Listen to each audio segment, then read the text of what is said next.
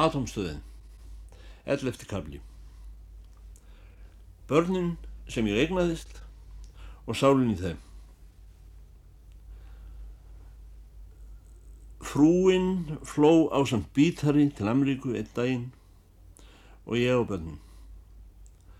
Fadur þeirra ánafnaði mér þau fremur en kendi mér þau við kvöldborðið, brosandi, annars hugar.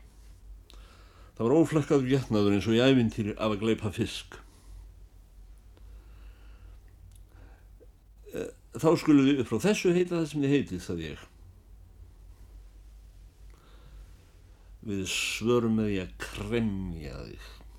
Við brjótum í þér bein. Við mölum þig, saði faradóttirinn látt og senlega. Let orðin að renna upp í sér eins og sætindi. Kremja, brjóta, mala. Nú já, ég sagði ég. Ef þið viljið ekki heita fallegu nafnónum ykkar sjálfra, þá skýr ég ykkur upp eftir mínu höfði. Því aldrei skal ég ávarpa ykkur á afrísku. Arngrímur skal heita Landaljómi, Guðni, Aldinblóð, Þóruður, Gullhrútur og jólakortabarnið hennar Jónu skal heita Daggeisli og komdu inn úr eldhúsinu þórkunur mín að borða með öðru fólki. Móðir barnsins hefur falið mér að kenna því gott, kallaði matseljan inn um gættina. Ekki ætlaði ég að kenna nýlt, saði ég. Þá bær nokkuð nýralið, saði hún, ef frelsi sálarinnar kemur á Norðurlandi. Doktor Búi Árland ljómaði upp að heyra þetta svar og hætti að lesa blæðið. Matseljan í gættinni. Vill doktorinn og húsbóndin ónýtt að vilja konuna sinna sama daginn og hún flýur? Vegna norðlendinga? Saði doktorinn, ég, ég er nú einu sinni þingmaður þessa voðalega fólks fyrir norða. Kjördæmi, þið skiljiði góða mín. Já, en er það kjördæmi sálarinnar, með leiði, ef ég meitt spyrja doktorinn og húsbóndan? Börnin ljómuðu öll, allt matborði ljómaði. Hvað segir Ugla sem hefur ný eignast öll þessi börn, sagði doktorinn og klóraði sér í nakkanum með uppgerðar mæðusvið. Hvort um, heldur hún sálinni sér hollar að matast í borðstofu eða eldúsi. Ef sálinn býr í maganum, sagði ég, en matseljan var fljóta að grífa fram í fyrir mér. Og það er límál, sagði hún. Það býr engin sál í maganum. Svo sál sem einn blessaður lausnari pindist fyrir býr svei mér ekki neinum maga aftur á móti á syndin upptök sín þar. Það sem gerist fyrir neðan þind, það er frá hennum vonda.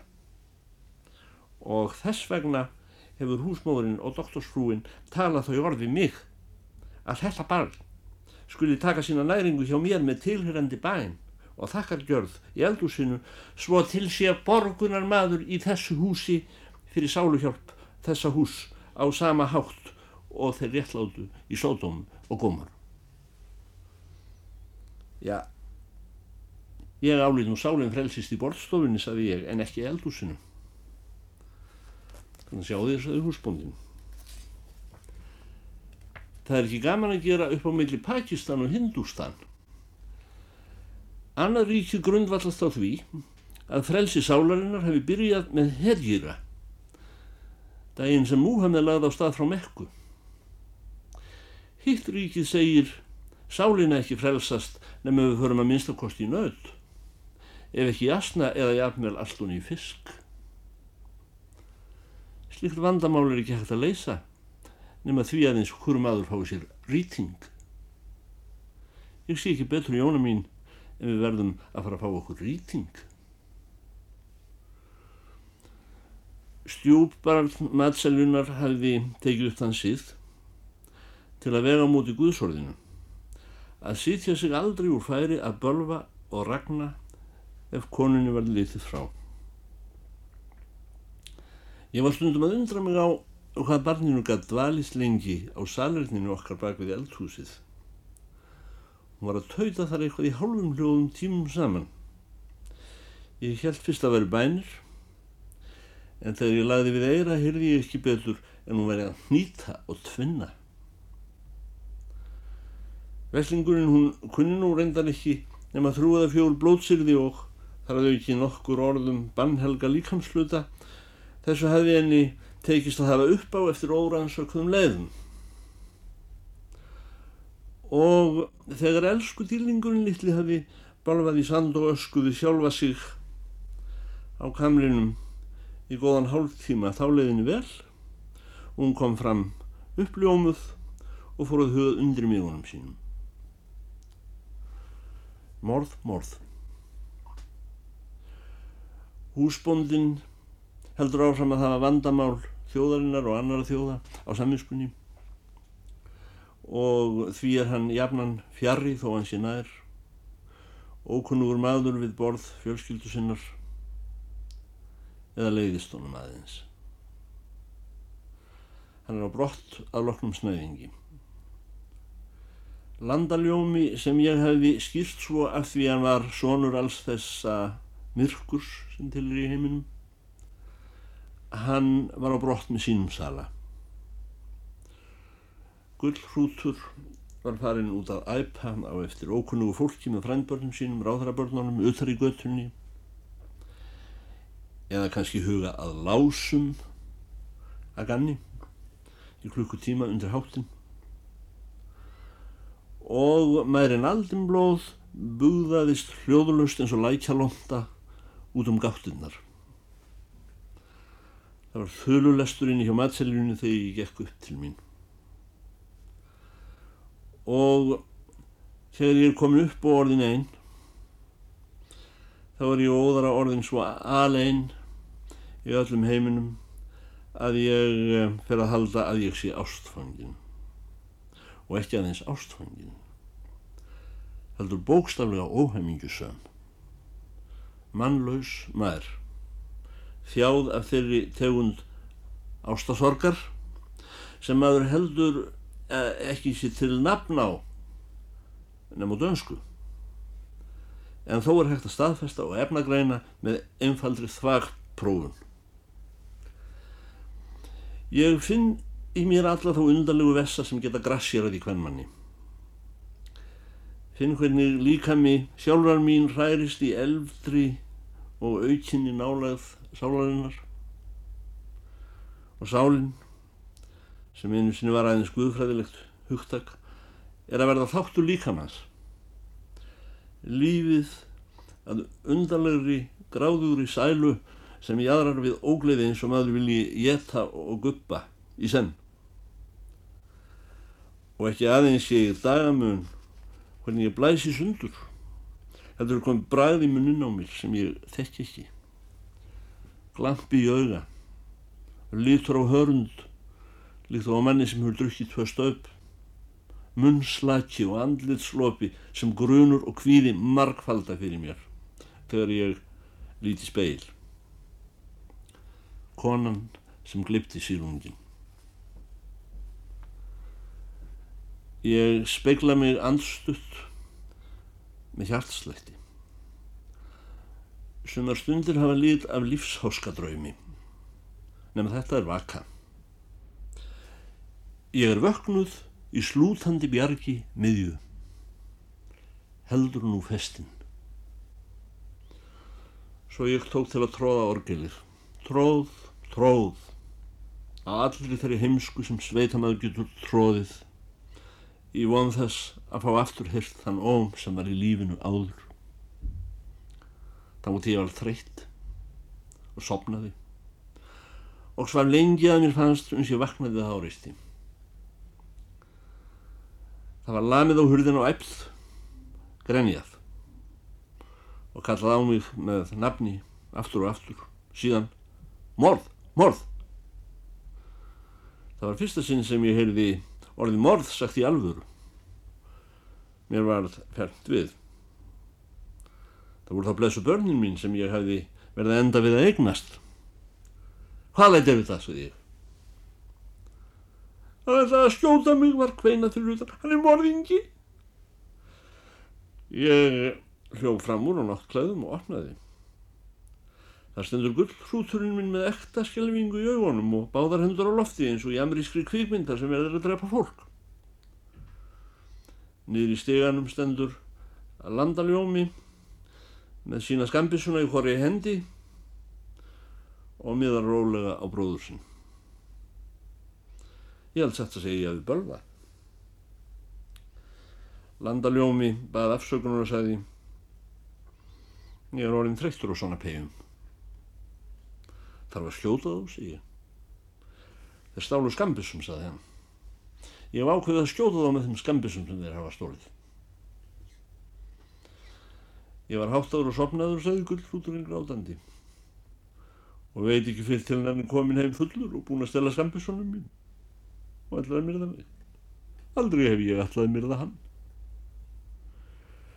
Ég gekk hann í stegan á móti skambissulhaupunum fast upp að morðingjarnin til vonandi og sagði það veit ég þú ferði ekki að skjóta barnið barn, sagði heimsbyggingun og hætti að miða skambisónum og bróður sinn hann komin á 13. ár ég var laungu hættur að hafa ánægið að stela á hans aldri ég reyðast á hann og tók á hann á vopnin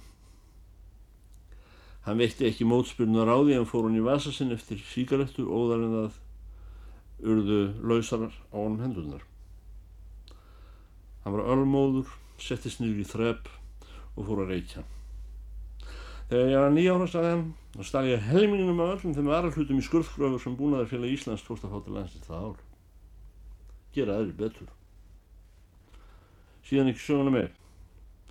Maður sem heldur áfram að stela fullorðin um þjáist að veiki sem við kallum síbernsku í sálurhæðinni eins og Immanuel Kant Karl Tólti það eru stíplaðið í þeim vessar ég var komin að hvenna fara 12 ára Gondum við byrsunar mína saði gullhluturinn og var ekki lengur hlættur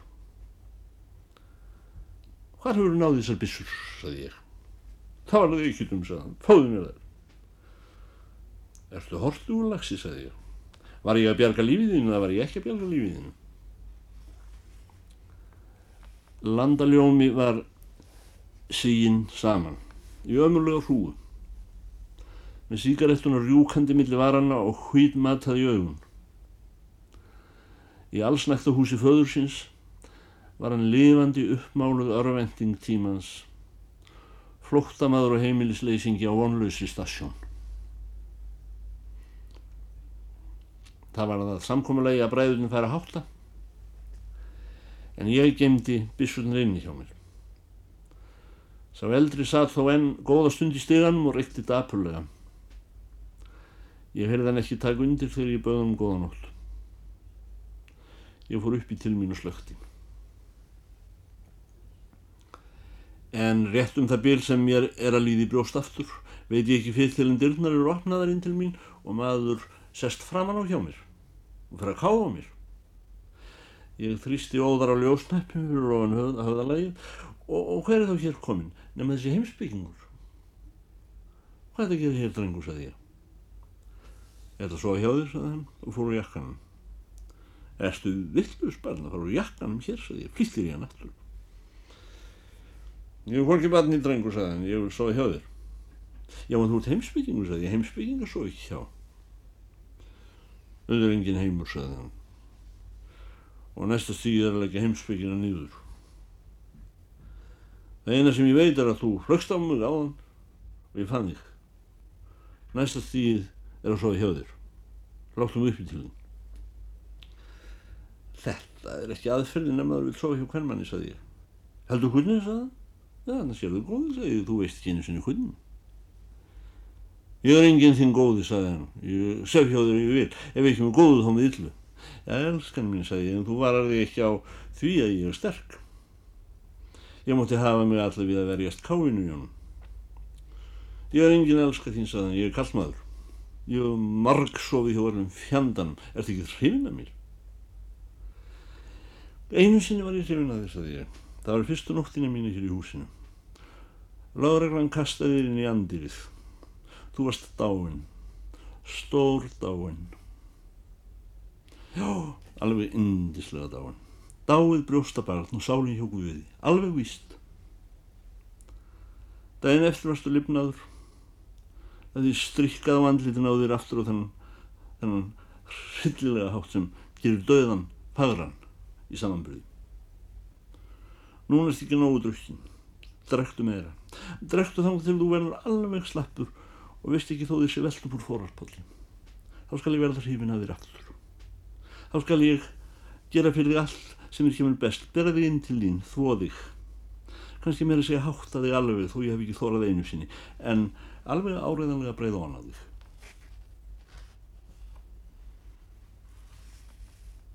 Tólti gafli. Maður en aldin blóð. Maður en aldin blóð. Starði einall á mig í leiðslu þannig þegar ég var hrætt. Stundum fannst mér brjótast í augum hennar allt líf sem til er í júrstónum frá því lítil sköpun nær vexti. Þrátt fyrir samanlaga tórhafn Íslands og Grænlands, alltaf til Guðin fyrir að líta því brennandi lostugum morð augum sínum úr djúpinu. Fyrir kom, ég stappaði í gólfið og spyrði snögt. Af hvernig starður svona bann? En hún held áfram að stara og tugði tógleðrið sitt hægt og rólega. Stundum tók hún til að líða um stofunar með rjúkandi síkaretu í löngur öðri eins og kvikmynda geta. Fyrir kom hún fletti leksíu með miklum reykingum og tönli eða hripaði stíl með gríðarstórum lóðréttum bókstöðum Urkið í pennanum heyrðist langa leiðin eins og þegar rifin er strígi. En var óðara komin aftur í amríska skemmtibók. Kápumyndin af grímubúnum morðingja með blóðugan hníf og ángistarfullir í berlaðraðri kvennskjátu, risthári og öklamjóri á háum hælum. Eða í stakka þá af tískublöðum sem þeim meðgum bárust víðsvegar aður heimi, vikulega stundum dag hver. Ungviðar grenla, ekki annað en staður og safi, hillingi kvennmynd, stofuræktaður vatnadísar hamur og ég þessi hlussa úr aðdölum var fyrða þó mér væri stundum óhægt í námtenni. Ég gleym ekki fyrsta mornin sem ég bar henni kaffi og stend fyrir framann rúmið hennar þar sem hún segur Góðan dag, segi ég. Hún vaknar og opnar augun og horfir á mig úr öðru lífi. Góðan daginn, segi ég aftur. Hún horfir lengi á mig þegjandi en þegar ég er að því komin að segja það í þriðja sinn sprettur hún upp og grýpur fram í fyrir mér æst. Nei, segð það ekki, segð það ekki, ó, segð það ekki, ég byrð þig. Má ekki bjóða þér góðan daginn, spyr ég. Nei, sagðum, ég þóli það ekki, það eru þau tvö andstykkilegustu og hryllilegustu og æðiskyngustu orð sem ég nokkundum á æfið minni heilt. Viltu aldrei segja það? Morgunin eftir let ég kaffi þegjandi á náttborði hjá henni og ætlaði síðan út. En þá svifti hún ofan af sér sanginni, spratt fram úr og hljóp á eftir mér og læsti mún á glónum. Akkur segir það ekki, spurði hún. Segir hvað, spurði ég. Góðan daginn, sagði hún. Ég þrái að heyra þig segja það. Einn dag, þegar ég var að starfi, vissi ég ekki fyrir hún hafi lagt frá sér verkefni sitt og var fann að horfa á mig. Allt í einu stendur hún upp, gengur fast að mér, læsir í mún öglunum og segir Segðu þið hvað? Ég spyr, hvað? Hún heldur á sem að klýpa mig hægt og rólega og reykja mig neglutnar. Heldur á sem að stara á mig brosandi og hyggur að nákvæmlega hvernig ég þóli klípunar og ég merði að þig, segir hún. Rændu sig. Lommjör drepa þig, segir hún. Gerur svo vel, segir ég öðskaði, segir hún. Þetta held ég stúrku segð aldrei hverju aðra, segir ég. Ég geti þig, segir hún. Ætla þú myndir ekki fljótt fá nóg, segi ég. Finnur þú ekki til, segir hún og hættir að brosa og leiðist. Svo litið segir ég, en ekki mikið. Þá vaknar áhugiðanar aftur. Hún læði sér svartlökkuðum nöglunum endi í præði handleikin á mér og segir Hvernig finnur þú til? Ósegðu mér, hvernig finnur þú til? Ég held að fyrsta kastið hafi hún álítið mig dýr á sama hátt og ég hana júrt. Júrt langaði að vita hvernig dýr fyndi til. Aftur var ég aldrei þess vör að henni veri illa til mín. Vita skuld þótt henni hlægilegt að skessa skildi draga jafn dónarlegan grip og orgelharmoníum inn í siðmenningar hús og fara að leika á það þær æfingar barna sem hún sjálflærði fjögur ára áður hún var bóklæðis en eh, hún bar ekki fremur óvildar hug til norðanstúlku en túlipenni til kýr. Annar dagur. Hún gengur til mín þar sem ég er í mínu ambáttar verk í miðju tekur utanum mig hjúrar sig upp að mér býtur mig og segir helvítið gengur síðan burt. En annar dagur. Þegar hún hefði lengi rannsakað með þögul spyr hún upp úr einsmanns hljóði um hvað þú hugsa? Ég segi ekki neitt. Segðu mér það. Viltu segja mér það? Ég byrði þig. En mér fannst hafið svo breytt og djúpt millir okkar að jafnvel þó ég hef verið að hugsa eitthvað og þó það hefði meira segið verið alls sæklust myndi ég ekki hafa sagt henni það. Ég var að hugsa um morðið að kind sagði þú lígur sagði hún. Já já það er gott. Einhvern veit betur en ég sjálf hvað ég er að hugsa. Ég veit að vel sagði hún. Ég spurði hvað? Þú ert að hugsa um hann? Hvern sem þú sefur hjá. En ég sjá nú ekki hjá neinum sagði ég. En það var það sem hitt sagði hún. Hitt, hitt hvað? Að bráðum derðu sagði stúlkan.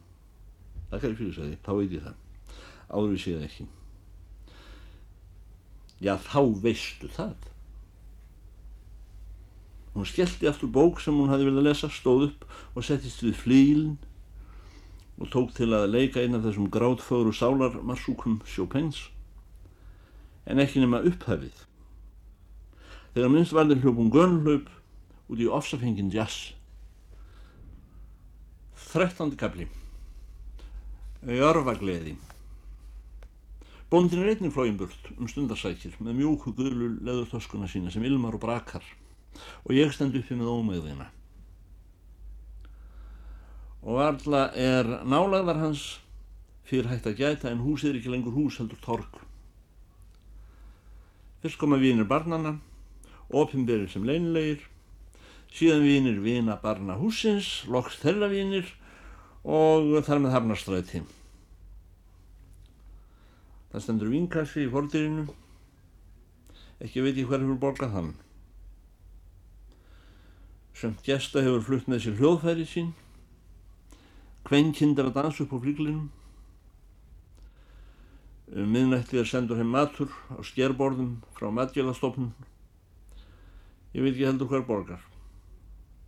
Nefna nokkuð er það að starfsfólk húsins er ekki tilkvæmt að gangum beina heldur þjóna gestir sér sjálfur enda er kvennsindarinn Jóna laungu gengi til náða og innum þær leður hlustirna er ekkert óhljóð utan rödd samviskunnar. Ég er á sveimi um húsið. Afstans. Ég ger ráð fyrir að þetta hafi átt að vera dansleikur. En það var þó aðeins með semingi að par og par draugaðist fram á gólfið til að jitterbugga lilla stund. Aftur á móti var mjög sungið Káturból kallar og yfir kaldan eðisand en uh, Þó engum og sérlegi keppst við að reka upp sem ámátlegust hljóð án meldra orða. Ég hef ekki fyrr heyrt á einni nóttu svo mörg óaðkveðin manna hljóð. Síðan var selgt upp, fyrst á salernum, síðan í ganga og stiga, loks á dúkana og yfir húsgögnin og af henni hljóðfærin. Það var eins og allir væru trúlofaðir öllum menn sleiktu hver annan í belg og byðu ég, ég held ekki. Neitt hafi verið trúlofaður neinum og kostarnir aðeins verið tilbríði í jitterbyggi. Nema hvað maðurinn aldinblóð í dýrðaljóma með barnshreyfingu kroppnum hjekk utan í laungum amríkulegum gæja sem var að minnstakosti helmingi eldri en hún og byrjaður að fá skalla. Og hvarf sænast inn til sín með þetta gerpi og snýri lyklinu með innanverðu. Ég hefði ekki bólmagn og því síður stiðferðist frek til að skipta mér en einu. Þetta var aðeins mannlífið nýri mynd og kannski ekki harla nýri, þó nýtt væri fyrir mér, en þegar klukkan var langt yngið þrjú um nóttina fór ég að hugsa Hvernig skildi nú gullhrúturinn minn pluma sig í öllu þessu? Skal hann nú vera út í náttmyrkrinn að basla við að stela mingum og, og skambissum eða kannski talsímanum upp í Mosulsveit, ljúfurinn svonni. Og opna herbergi bræðran og gæðist inn. Þá lyggja þar í rúmi eldrabróðurins draugfull skötuhjú að sleikjast en í rúm yngra drengsins hafi frauka í útguppuðum brókaði kjól verið lögð til á kristilegan hátt með hendur og brjósti. Útvarpið var stilt á amríska graðhestastöð með ferlegu húi og stórum fretum. Þá sé ég að klæðaskápurinn stendur á gátt og þaðan skín ljós og hvað er að gerast í miðri jörgvagliði aldarinnar? Þeir drengir að tefla. Þeir sitja í nýpli hormóti öðrum yfir skák inn í skápnum í óra fjallag alls sem gerist fast við þá. Minga og skambissu þjóðvarnir gullhrúturinn og frændi hans. Þeir íþættu mér ekki þó ég er stáðan liti ekki upp þó ég stæði lengi í skápdýrunum að horfa á þá.